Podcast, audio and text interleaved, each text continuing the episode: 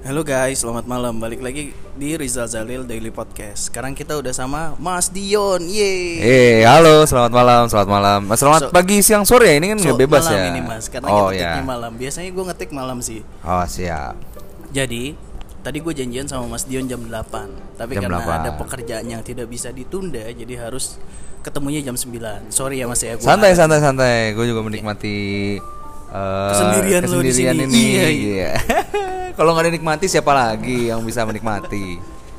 Oke mas, sesuai dengan eh, yang tadi kita obrolin ya, Ya, maksudnya ya. yang udah pernah gua coba share ke lo, kita malam ini mau ngebahas tentang seberapa penting sih kuliah lo untuk dunia Hmm. kerja lo gitu ya. Nah, mungkin nanti kita dengerin pendapatnya dari Mas Dion, karena beliau juga banyak banget nih insightnya untuk kita. Tapi gue mulai dari gua dulu deh mas. Oke, boleh, boleh, boleh. Gua sendiri eh, S1-nya akuntansi mas. Akuntansi. Gue oke. satu akuntansi, gue kerjanya nggak jauh-jauh dari akuntansi, jadi gue belum dapat ijazah pun udah eh, pakai surat SKL itu ya keterangan Oh, lulus sementara. iya, iya, iya, Udah iya. jadi auditor, which is jadi Widih. auditor itu sangat eh, relate banget.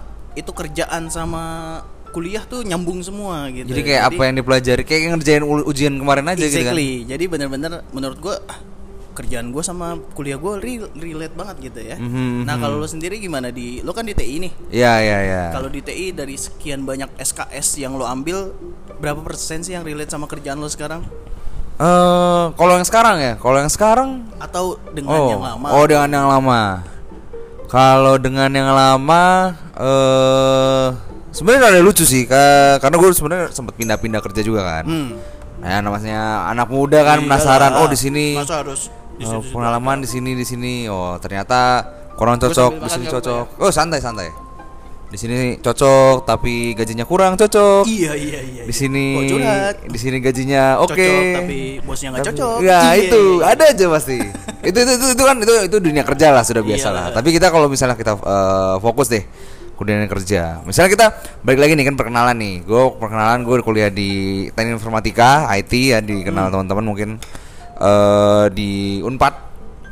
Saya Oke. masih angkatan 2013 jadi mungkin Oh muda sekali, banyak siap. banyak iya saya Iya, iya, iya. saya cukup muda amin amin jadi saya me oh sih Iya iya iya.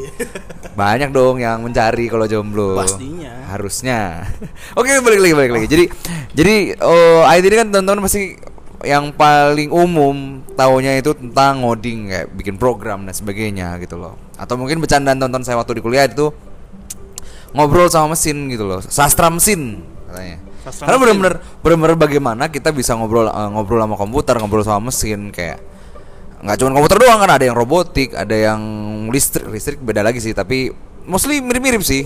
Kalau misalnya udah bagian program-program gitu tapi ini kan program gitu loh. Bagaimana kita membuat program eh, membuat sesuatu dari yang nggak ada menjadi sesuatu yang berfungsi bisa dimanfaatkan gitu kan. Yap. itu yang saya bayangin dari dulu gitu loh. Dulu waktu SMP kan pasti mungkin teman-teman ada yang belajar ngod oh, bikin web gitu kan. Betul. bikin web lah terus juga ada yang bikin eh apa dulu tuh?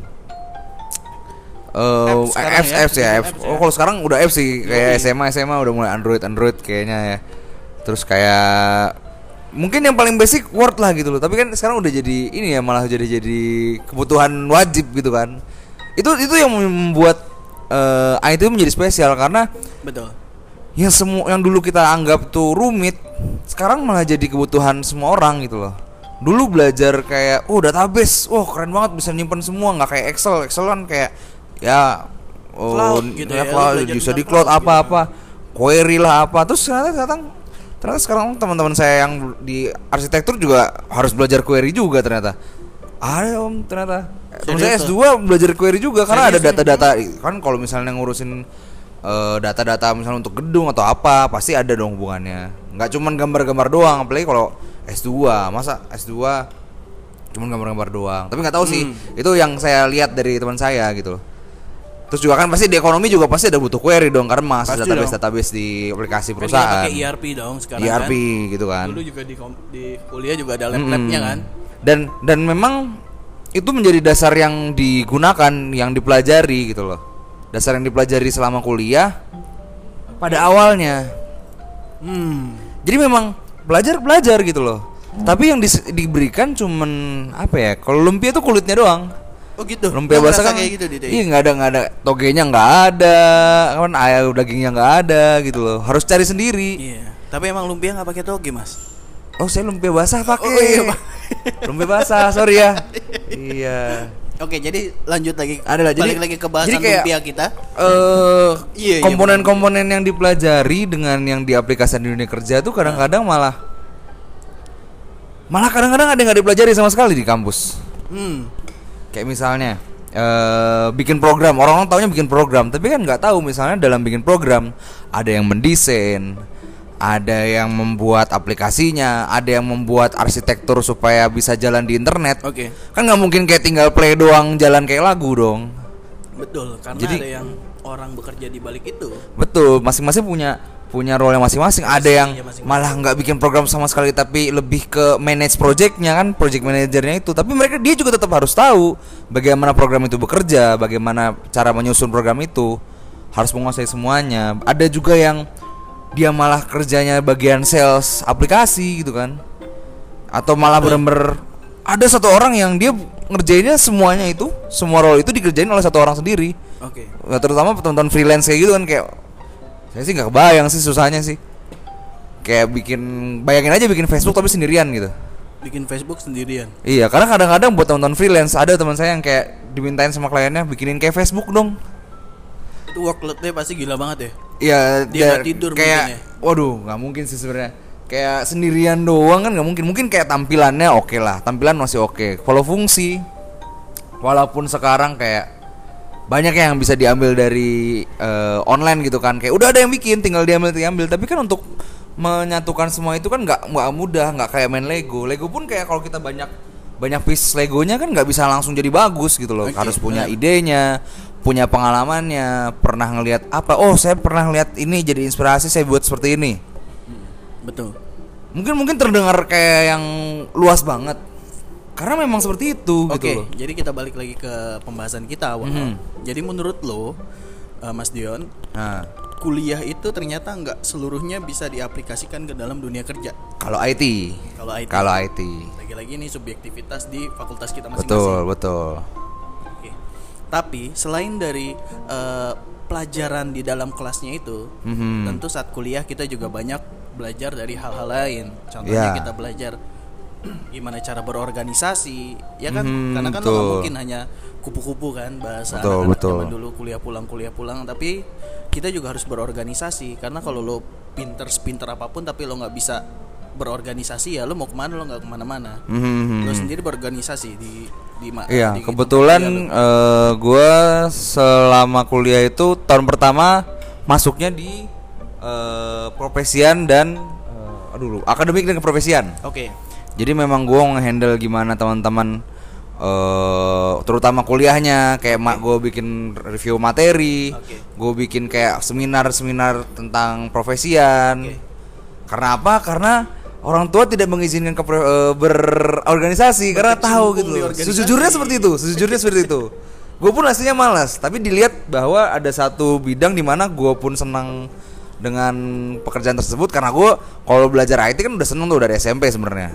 Jadi ketika gue melakukan ini, gue belajar coding-codingan, gue belajar algoritma dan sebagainya, gue rangkum balik, sama aja kayak belajar uas dong. Tapi bedanya gue share buat teman-teman gue bikin bank soal misalnya itu kan sama dengan gue belajar sendiri tapi gue share ke teman-teman jadi kayak oh lumayan nih ketika gue berorganisasi eh, akademik gue juga bisa berkembang makanya gue milih itu Oke. dan dengan kenapa di keprofesiannya karena gue tahu IT ini eh udah gue udah tahu dari dulu bahwa IT ini nggak bisa mengandalkan kuliah doang. Gue butuh pengalaman kerja yang cukup banyak untuk bisa berkecimpung gitu loh. Nggak bisa kayak oh saya sudah bisa ngoding ini terus masuk kerja. Nggak bisa. Itu semester 1 lo, itu oh, itu semester 3 ke 4 lalu, lalu, semester lagi 5 dan 6 gua lanjut lagi jadi wakil ketua himpunan. Oke. ketua organisasi. Kalau anda Oke. menyebutnya apa Gue dulu itu himpunan eh, jurusan ya. jurusan Kalau jurusan gue di sama himpunan juga. Mhm. Nah, tapi kalau gue dulu BEM. Gua Oh, di BEM BEM-nya. Di fakultasnya. Hmm, hmm, hmm, hmm. Jadi wakil kepala departemen untuk pengembangan masyarakat sekitar. ah sih sih Jadi kalau dulu di Trisakti tuh eh, samping-samping Trisakti kan kita tahu ya Grogol, which is Mhm. kantor kita sekarang dekat Grogol juga. Betul betul.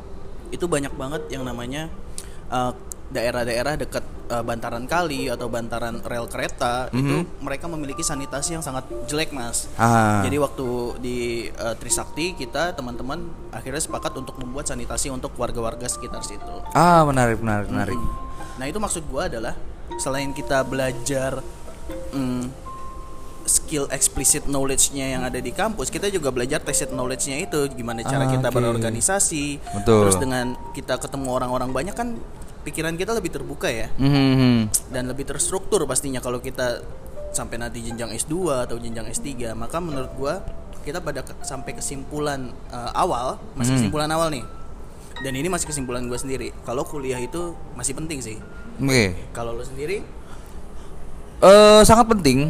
Eh tapi nggak menjadikan bahwa kuliah saja itu penting. Gue setuju nggak menjadikan kuliah saja itu penting itu poin sih Mhm. Jadi lebih ke kayak yang penting adalah dunia kuliahnya, di mana kita bisa betul tadi belajar organisasi. Saya belajar banyak, eh, punya banyak eh, kenalan juga, punya banyak Relasi. teman relasi itu kan. Terus juga punya pengalaman bagaimana sih sosialisasi sosialisasi dengan orang yang bukan di bidang kita. Walaupun Exactly, sebenarnya kayak Mas. SMA juga kan macam-macam, tapi kan nggak kelihatan gitu loh orang-orang fokusnya ke mana. Tapi ketika di IT bertemu dengan orang-orang kayak di Vcom gitu, bagaimana? Oh ternyata nggak cuman duduk doang loh, nggak cuman ngoding doang loh. Ini program tuh perlu dipublikasikan juga, perlu juga orang tahu gimana caranya memasarkan produk gitu loh kan. Ini juga ada poin-poin yang bisa kita pelajari, belajar sama orang kedokteran. Oh ternyata duduk doang tidak bagus gitu, tidak sehat. Iya, ada ada iya, itu itulah poin-poin gitulah.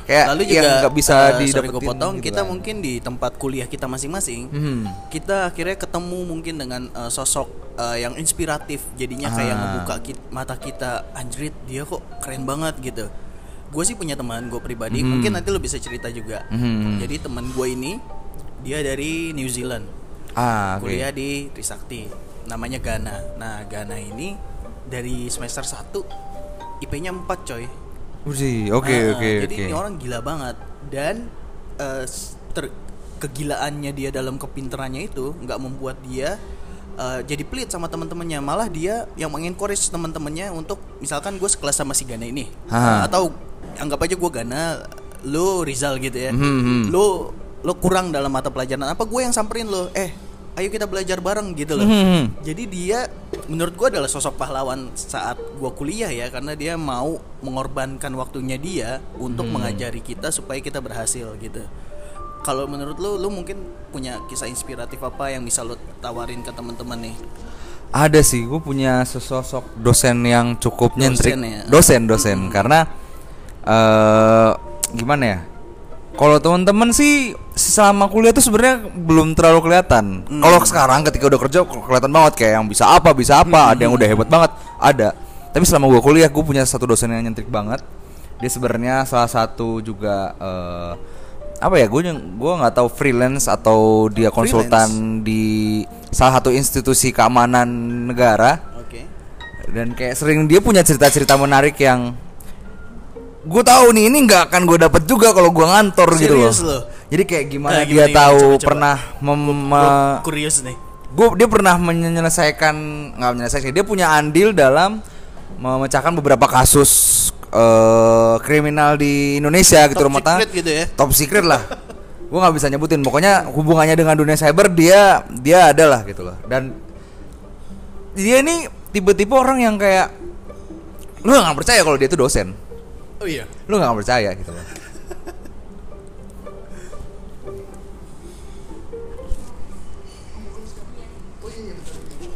Jadi Nah. kayak kayak eh, dari bajunya gitu loh. Walaupun kemeja kemeja sih pakai kemeja tapi semua hitam kayak lebih kayak dukun sebenarnya. Tampilannya lebih kayak dukun sebenarnya. Jadi kayak ini pertama kali lihat tuh ini siapa? Serem banget apakah ini satpam baru di kampus ternyata dosen astaga pikiran saya tidak bagus tapi karena kayak dari pekerjaan itu kan menarik kan kayak me- Ya.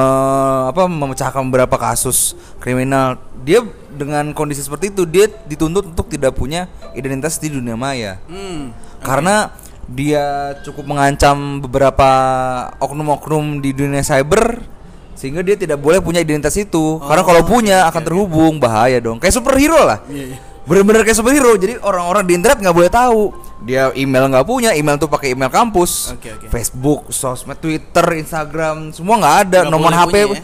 nah, HP pun dia nggak nggak HP smartphone dia HP HP Nokia yang masih layar hijau gitu Mas sorry, gue potong dulu nanti kita Oke. lanjutin lagi ya. Oke, Soalnya eh, Coffee Bean-nya mau close, jadi Oke. eh, stay tune ya guys. Nanti kita lanjut lagi. Thank you.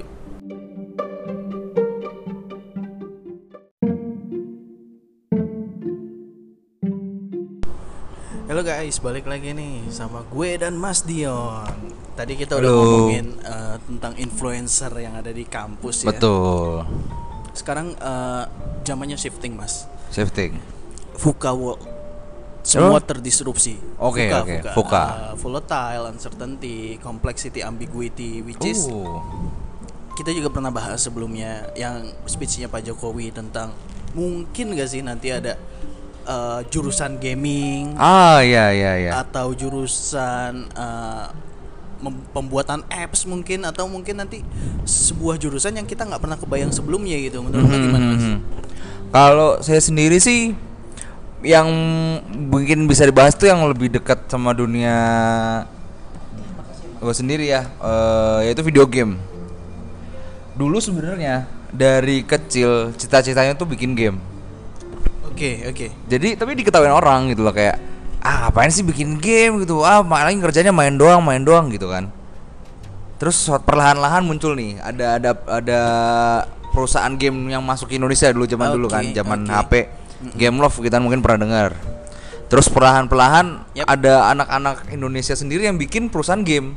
Hmm. Ada kalau mungkin pernah dengar itu Agate. Hmm. Dan bahkan sampai Agate. sekarang udah go internasional ber- ber- berkali-kali dan sering pameran di Jepang bahkan kayak eh, itu pusat pusat kayak kalau buat gamer tuh naik hajinya lah Tokyo Oke. Game Show tuh itu Hmm. kayak kayak orang-orang tuh pasti ke sana buat lihat pamerannya apa dan Agate pun dari Indonesia Oh. sudah berhasil di sana be- beberapa kali gitu loh Hmm. Nah, terus kan sudah mulai ada cerah tuh, ada jalurnya. Akhirnya mulai tuh di beberapa tempat di, di kampus bahkan ada jurusan yang mempelajari bagaimana membuat game gitu loh. Diwadahi bahwa eh, diwadahi eh, sebuah eh, apa ya? Sebuah bidang yang orang-orang melihatnya secara sebelah mata. Oke. Karena dulu kan ah main game apaan sih Iya. buang-buang waktu, apaan sih bikin jadi nggak belajar. Mm-mm. Tapi kan kalau di situ kan berarti sudah eh, sampai terjadi sekali itu kan berarti kan ada pasarnya gitu loh. Betul. Bahkan kayak sampai eh, jangankan anak-anak, ibu-ibu aja kan juga main tuh Candy Crush lah, Yap. apalah. Dulu Zuma. Itu kan ada yang bikin dong, nggak mungkin tiba-tiba muncul. Di Iya, situ ada banget. pasarnya. Berarti ada yang jual, ada yang beli dan uang berputar gitu dong. Exactly. Kenapa dulu orang mikir kayak dihindari, tapi kan kenapa nggak nggak nggak mencoba untuk mengembangkan di sana? Akhirnya ada orang-orang itu yang membuktikan bahwa ini bisa sukses loh di sini tuh.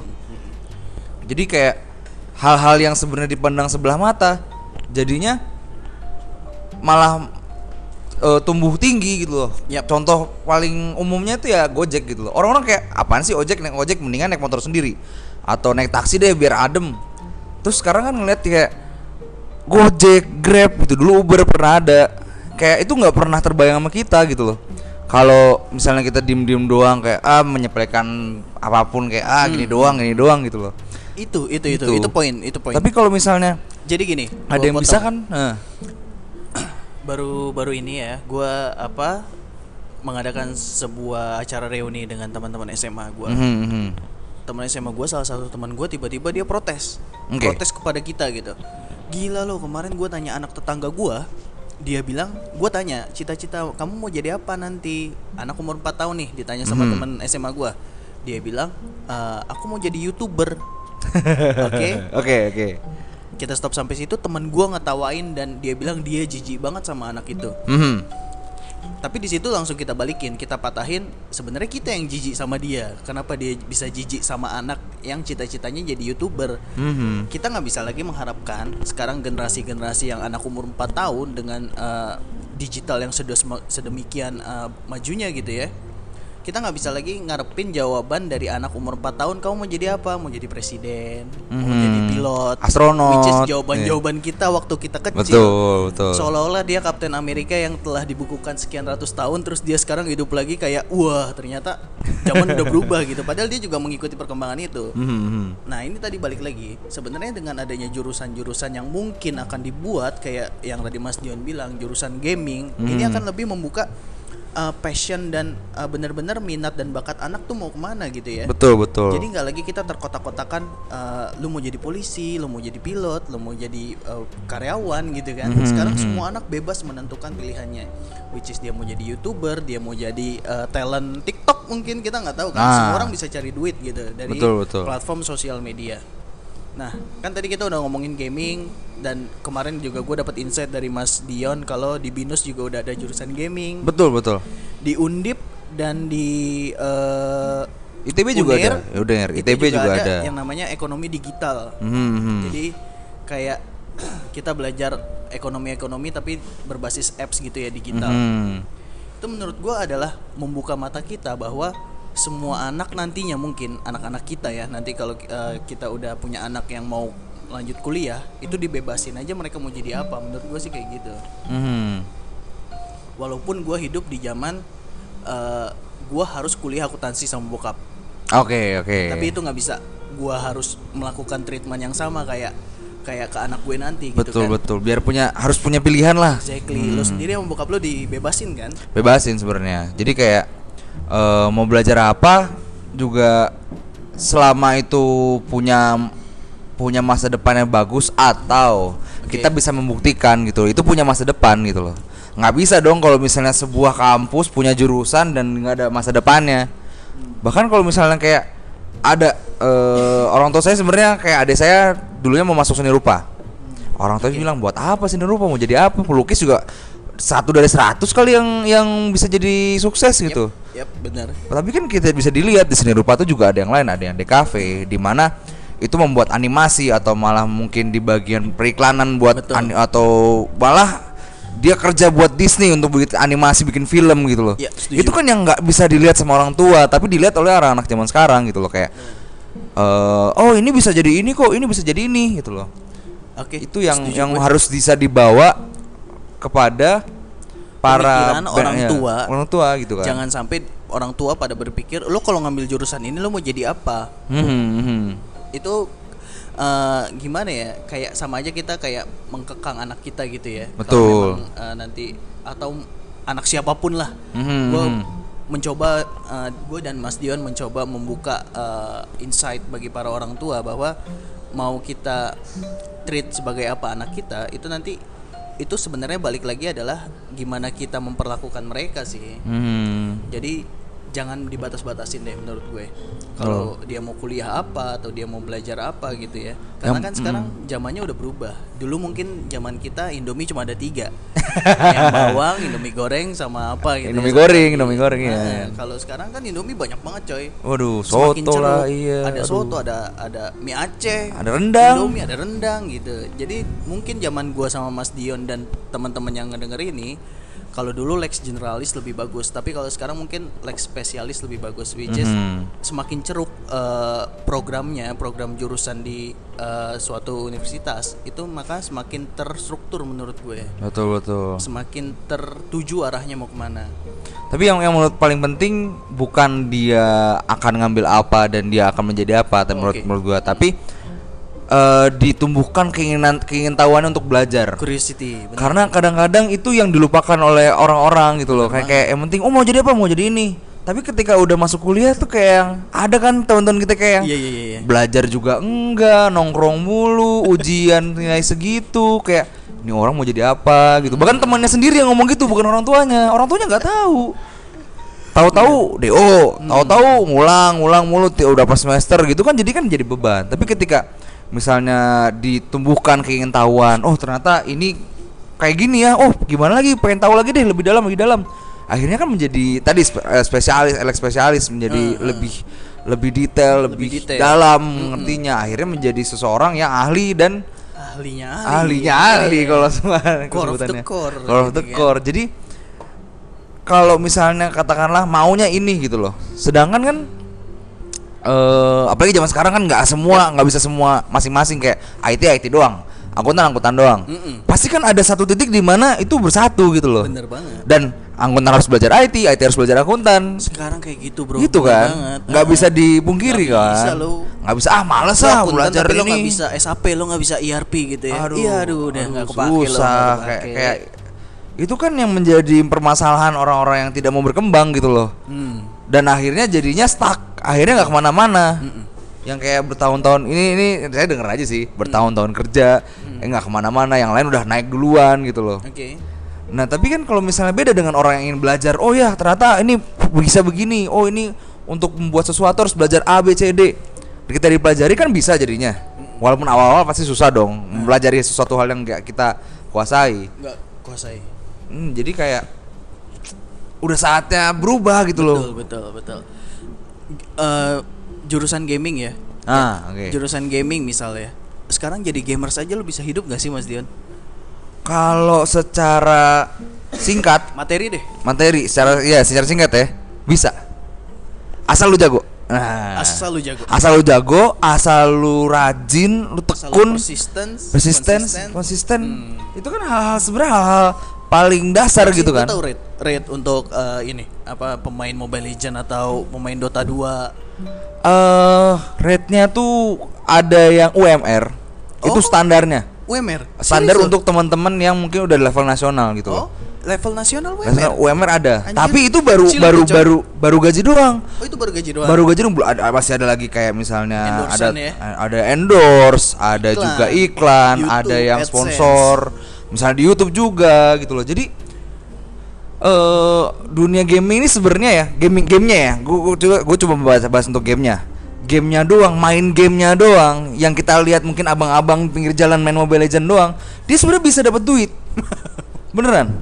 Asal diarahin dengan bener Asal mainnya dengan serius Bukan kayak main game Ada orang mainnya jelek dimarah-marahin gitu Apa sih ini, ini?" gitu berantem-berantem Tapi kita lihat misalnya langsung lah langsung yang high class deh yang teman-teman yang mungkin oh pernah lihat Dota 2 gitu kan. Pasti pasti banyak yang tahu lah Dota 2. player coy tapi gue Dota 1 sih Nah itu kan jadi kayak itu Dota 2 tuh merupakan sebuah cerminan dan sebuah permulaan dari dunia gaming atau mungkin disebut e-sport gitu kan. oke Bagaimana dia bisa memiliki hadiah untuk pemenangnya bisa sampai Duh sekarang berapa sih? Gue terakhir 2016 tuh 10 juta dolar gitu loh.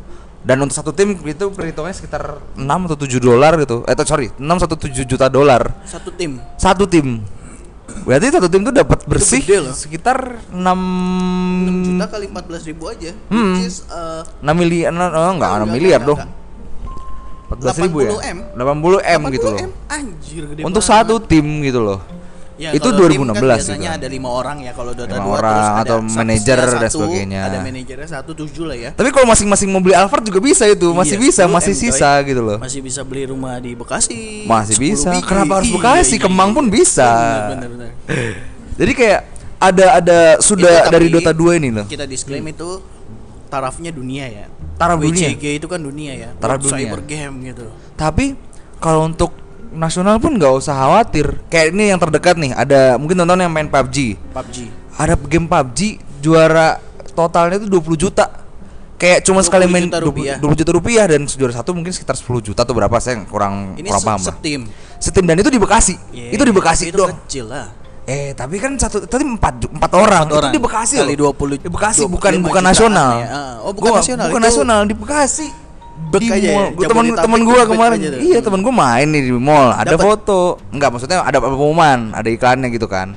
Oh, dia total 20 juta. Kayak itu kan hal-hal kecil gitu loh. Apalagi kalau misalnya skala besar kemarin kan di sini Taman Anggrek nih. Taman Anggrek juga ada lomba, iya. ada kan, ada Free Fire, ada apa dan sponsornya tuh gede-gede. Bukan sponsor saya cek Shopee lah, Asus, ah, Asus Rock, dong. Dan itu Republic of nggak mungkin gitu. kecil gitu loh. Oke. Gue gue nggak lupa lah detail angka berapa tapi Iya.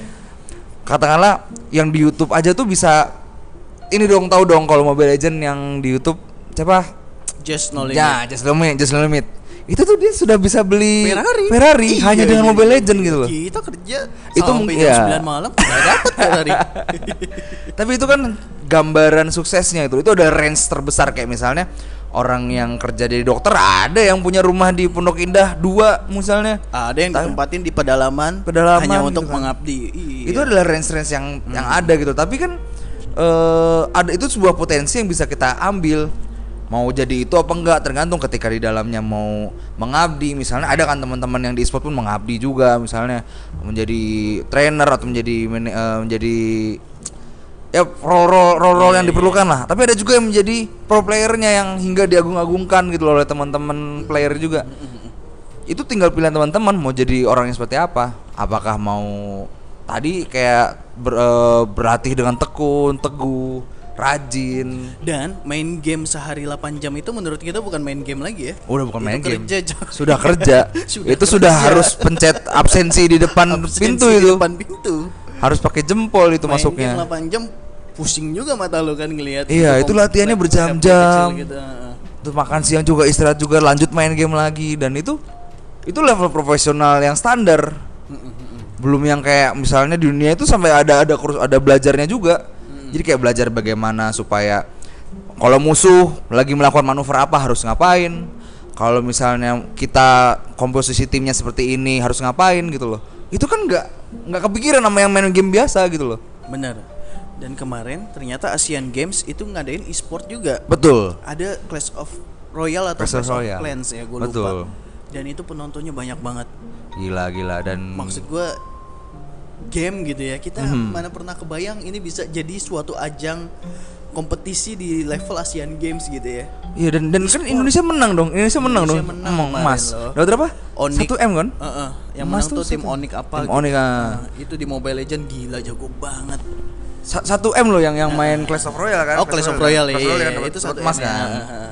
Main game satu dapat 1 M gitu. Jadi kan ada potensi di situ kan gitu loh. Ada marketnya, ada orang yang bermain biasa, ada orang yang bermain dengan serius, ada yang menonton doang tapi akhirnya juga kayak misalnya jadi sponsor atau jadi apa gitu loh. Itu jadi sebuah market sendiri Betul. Yang di mana uang tuh berputar di dalamnya. Jadi sekarang untuk lo cari kerja nggak harus kayak gua sama lo ya. Iya. Kerja kantoran. Ternyata sekarang tuh udah banyak gitu. Betul. eh, celah-celah yang bisa lo jadiin duit dari passion atau dari hobi lo. Betul banget. Heeh, kayak temen gua sampai sekarang nih suka banget sama Tamiya. Dia sering-sering menang nih. Lumayan juga dapatnya 10 jutaan tiap Hmm. Nah, bulan gitu ya. kayak Dari gitu. ngilik-ngilik dinamo doang. Lo main Tamiya nggak dulu? Dulu ikut Iya main. kan? Karena Cuma kayak ngilik-ngilik dan- dinamo. dinamo gitu yang mana yang paling besar put paling banyak putarannya itu paling kenceng gitu kan. Iya kan? Baterai apa? Alkalin atau atau pakai ABC atau pakai casan gitu kan khusus gitu loh. Kalau diseriusin kan akhirnya tadi 10 juta dan sebagainya hobi gitu. jadi duit. Iya, di mana orang-orang pun pasti ada yang merasa kayak meremehkan, ah ini apaan sih mainan anak kecil. Heeh. Tapi kalau lu bisa dapat duit, diem lu pasti. Diam, udah nggak ada lagi omongan. nggak ada gitu loh tinggal gimana kita untuk me- bagaimana kita eh, menggunakan kesempatan itu telah mau Betul. dimanfaatkan atau tidak gitu loh Oke, jadi balik lagi ke uh, substance kita awal tentang Mhm. kuliah itu penting atau enggak. Mungkin ini sekalian uh, epilog dari kita. Ini Mhm. adalah penutup dari kita. Kita udah bahas tadi tentang kuliah gue di akuntansi, kuliah Mas Dion di TI. Ternyata Mhm. sekarang juga perkuliahan tuh banyak shifting. Sekarang ada jurusan digital ekonomi, sekarang Mhm. ada jurusan gaming di BINUS, sekarang Mhm. ada jurusan teknik otomotif. Jadi semua yang tadinya kita pikir nggak ada, ternyata sekarang tuh ada gitu ya. iya dan dan peminat peminatnya pun ternyata surprisingly banyak gitu loh Betul. Nggak cuma kayak oh ini baru oh coba-coba nggak ternyata banyak juga yang kayak bener minat dan akhirnya jadi favorit ada yang menjadi favorit lah ada Betul. yang menjadi unggulan gitu kan kita nggak akan tahu Nah, jadi mungkin epilog kita selain uh, perkuliahan itu yang udah sangat sedemikian rupa shifting yang tadi gue bilang, Hmm. anak-anak kecil sekarang kalau lo tanya, "Lo, uh, ade mau jadi apa? Kalau dia bilang mau jadi youtuber ya memang sekarang eranya sudah seperti itu ya Mas Dion ya. Mhm, Kita nggak bisa betul. lagi mengharapkan jawaban anak itu akan menjawab, "Uh, aku mau jadi pilot gitu nggak bisa. Mhm. Karena sekarang udah anak itu sedemikian rupa melihat informasi yang ada dari Google gitu kan. Mhm. Itu udah udah op- wide open banget sekarang informasi dari mana bisa kita ambil. Mhm. Nah, jadi menurut gua dan Mas Dion, kuliah masih penting. masih penting Masih karena dunia perkuliahan itu menyimpan banyak potensi yang bisa kita ambil Apalagi di perkuliahan selama 4 tahun Mhm. seperti kalau S1 lo pacaran Apa? pacaran Pacaran ada lah, Iya ada loh. kan sekaligus kita pacar-pacaran kita cari-cari temen gitu kan Mm-mm, Jadi betul. kita banyak bersosialisasi juga ya jadi Iya, kita iya. secara soft skill juga nambah Betul, betul, betul. oke Mas Dian mungkin konklusi terakhir sebelum kita tutup nih podcastnya Apa ya? Eh untuk dunia perkuliahan dan dunia kerja ya. Eh menurut saya, menurut gue tuh nggak nggak nggak terlalu penting apa yang lo punya dan apa yang lo dapatkan. Tapi yang penting adalah bagaimana manfaatkan itu semua. Oh, oke Percuma dong banyak-banyak dapetin ilmu dapat apa tapi nggak dipakai. exactly itu benar sih Mau Jadi- mau sosialisasi, mau apa, mau Eh. kuliah, mau organisasi harus dipakai dengan baik dan benar. kayak kisah influence yang tadi gue bilang Mhm. temen gue ada yang sangat menginspiratif gitu ya dia udah IPK-nya 4 ternyata dia nggak nggak pelit gitu sama ilmunya justru Iya. dia menularkan ilmu itu ke teman-temannya gitu dia Betul, betul. coba lingkungannya untuk bisa seperti dia gitu itu Mhm. gila banget sih menurut gue dan itu sebenarnya yang membuat gue terinspirasi ya Mhm. dengan lingkungan gue yang sekarang gue mau coba apa yang dilakuin ke gue bahwa kita bisa ngerubah lingkungan Betul, betul, betul. kalau lo punya sesuatu yang lebih coba lo tawarin itu kepada lingkungan lo kalau lingkungan lo ikut ya lo akan meninggalkan legacy yang baik untuk Betul, lingkungan. betul banget, betul banget. oke oke thank you banget mas Dion Oke, thank you, thank you. kita akan ngobrol-ngobrol lagi Iya, rasanya kayak ini pakai banyak yang pengen diomongin tapi iya iya iya pulangnya udah gelap nih. Udah gelap iya. nih. Kita disuruh next pulang time kayaknya. ya thank you banget guys udah dengerin. Mungkin okay, nanti okay. gue sama Mas Dion punya uh, segmen lain, tungguin aja. Thank you ya. Thank you.